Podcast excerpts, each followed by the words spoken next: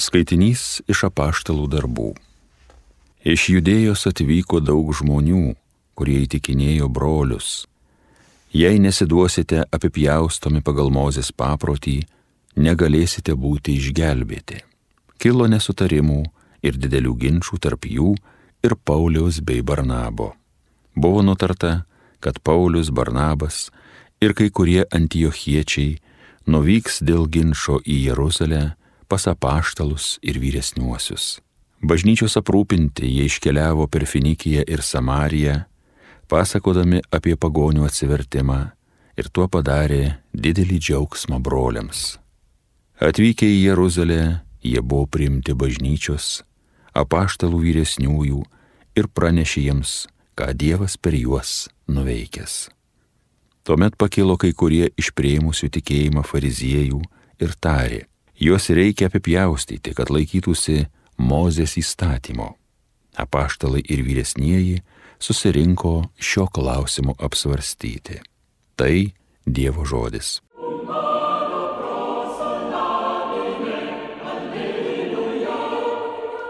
Viešpaties būstan džiaugsmingai keliaujam.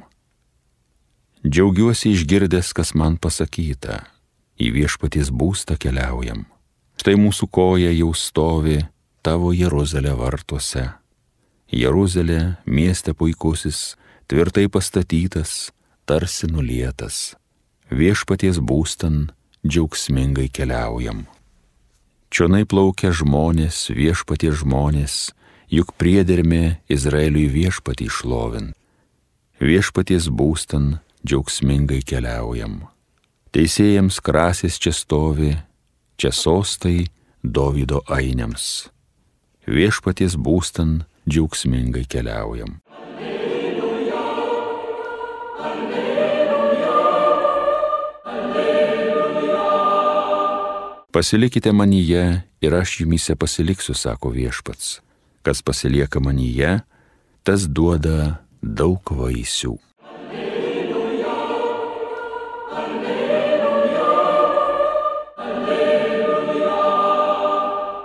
Iš Evangelijos pagal Joną. Jėzus kalbėjo savo mokiniams. Aš esu tikrasis vynmedis, o mano tėvas vynininkas. Kiekvieną mano šakelę neduodančią vaisius jis išpjauna, o kiekvieną vaisingą šakelę apvalo, kad įduotų dar daugiau vaisių.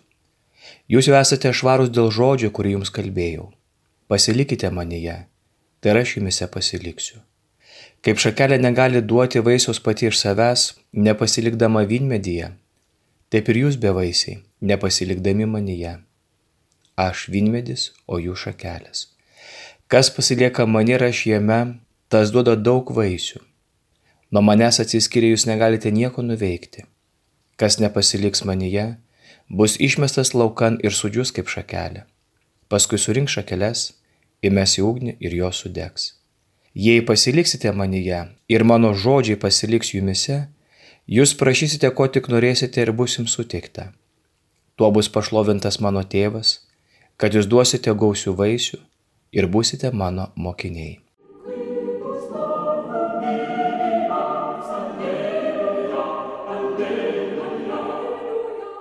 Aš esu vynmedis, o jų šakelės. Šie paskutinės vakarinės metu nuskambėję Kristaus žodžiai iš ties yra ir šviesus, ir viltingi. Žodžiai nuskamba vakare. Judai skarijotui pasitraukus, nuplovis mokiniams kojas, įsteigus Euharistiją, aš esu vynmedis, o jų šakelės. Juk šie žodžiai palydės į netrukus Kristaus tektą patirti išdavystę ir atmetimą, o jis dar kartą apsireiškia ir atsidengia esas tikrasis vynmedis Vynmedis, kuriam brangi yra kiekviena šakelė, kiekvienas žmogus, šiandien asmeniškai tu. Vynmedis ir šakelės. Tai tiesa susitinkanti su savo versme ir savo tikrove. Žmogus yra tiesa, kilanti iš Dievo tiesos. Ši tiesa visuomet išliks unikali tuo, kad jos niekuomet nebus galima paneigti. Negalima paneigti Dievo negalima paneigti žmogaus. Žmogaus, kuris save atranda kaip kūrybos vaisių, sukurta, o ne pagaminta. Sukurta, tėvų pradėta, mamos išnešiota, skausme pagimdyta, krūtimi įžindyta. Ir šiandien mums tenka labai nuostabi užduotis - išlikti įsišaknyjus į tiesą. Žmogaus tiesa yra kylanti iš Dievo kūrybos. Ir tas, kuris sugeba visuomet išlikti šitame įsišaknyjusiame santykyje, kildindamas save iš dieviškumo, iš kūrybos, visuomet apsaugo save nuo pagundos, galvoti ir mąstyti, kad yra pagamintas, apsaugos nuo pagundos kitame išvelgti tik gamybą arba investicinio projekto reikalus tas, kuris visuomet išgyvens tiesą apie save, niekada nenorės pastumti kito žmogaus.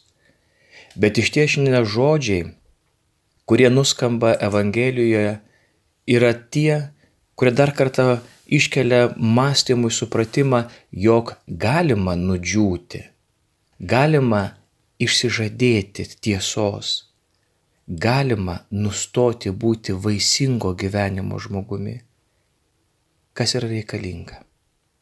Manau, pirmiausia nepamiršti, jog vinmedžio misija išsipildo ne kur kitur, o būtent kryžiuje. Šia prasme kryžius visiems laikams lieka kaip malonių ir gailestingumo versmė. Taigi visuomet išlikti žvilgsnyje.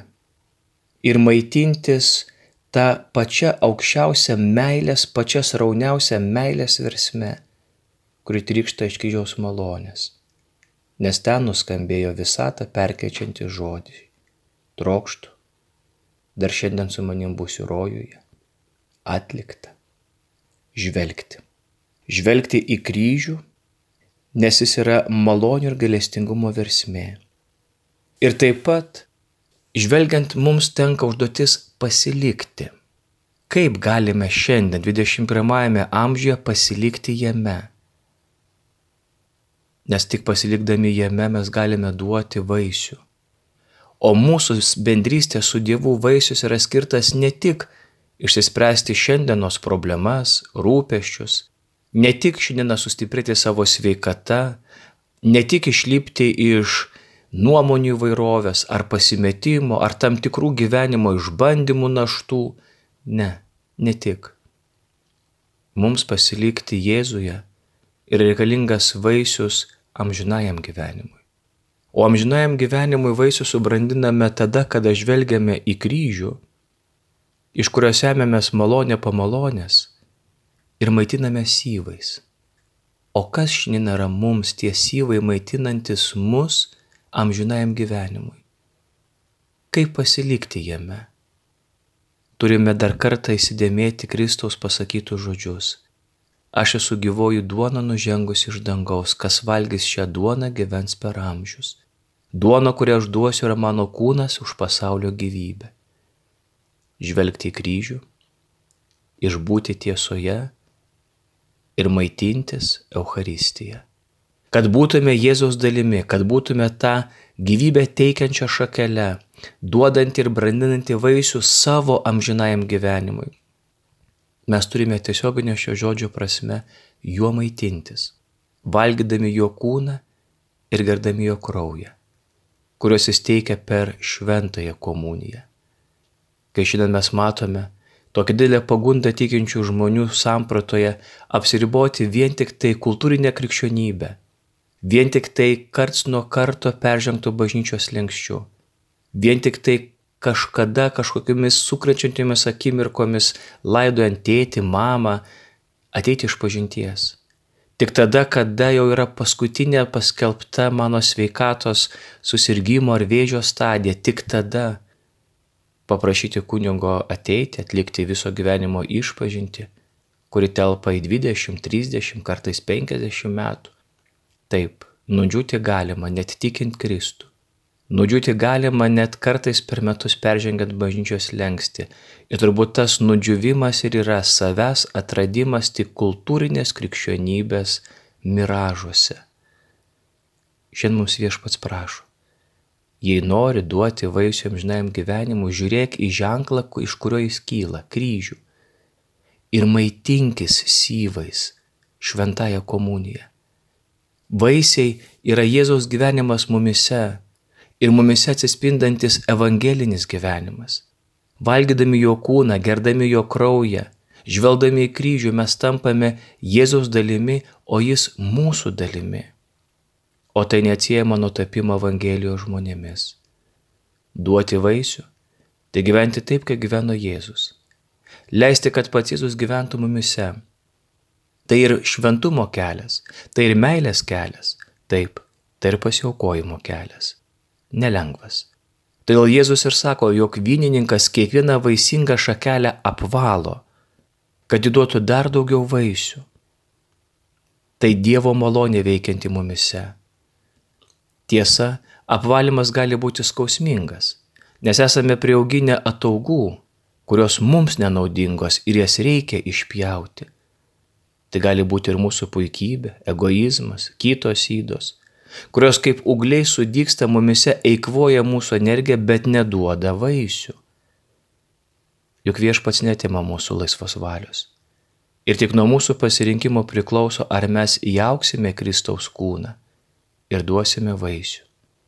Nuoširdžiai šiandien prašykime viešpaties, kad būtume tą vaisingą vynmedžio šakelę Padėkokime už kiekvieną prisilietimą, kuriame atrodo patiriame skausmą, nepatogumą, bet išsilaisviname iš vienos ar kitos įdos, išsivaduojame iš tam tikrų uglių, kurie eikvoja mūsų energiją, bet neduoda vaisių. Ir prašykime viešpatės malonės, visuomet išgyvenant tiesoje su juo, visuomet žvelgiant į kryžių kaip galestingumo versmę ir kasdien maitindamiesi jo kūnu ir krauju, mūsų gyvenimai duotų vaisių. Čia džiaugsmas žmonėms, pas jį amžinuoju gyvenimu.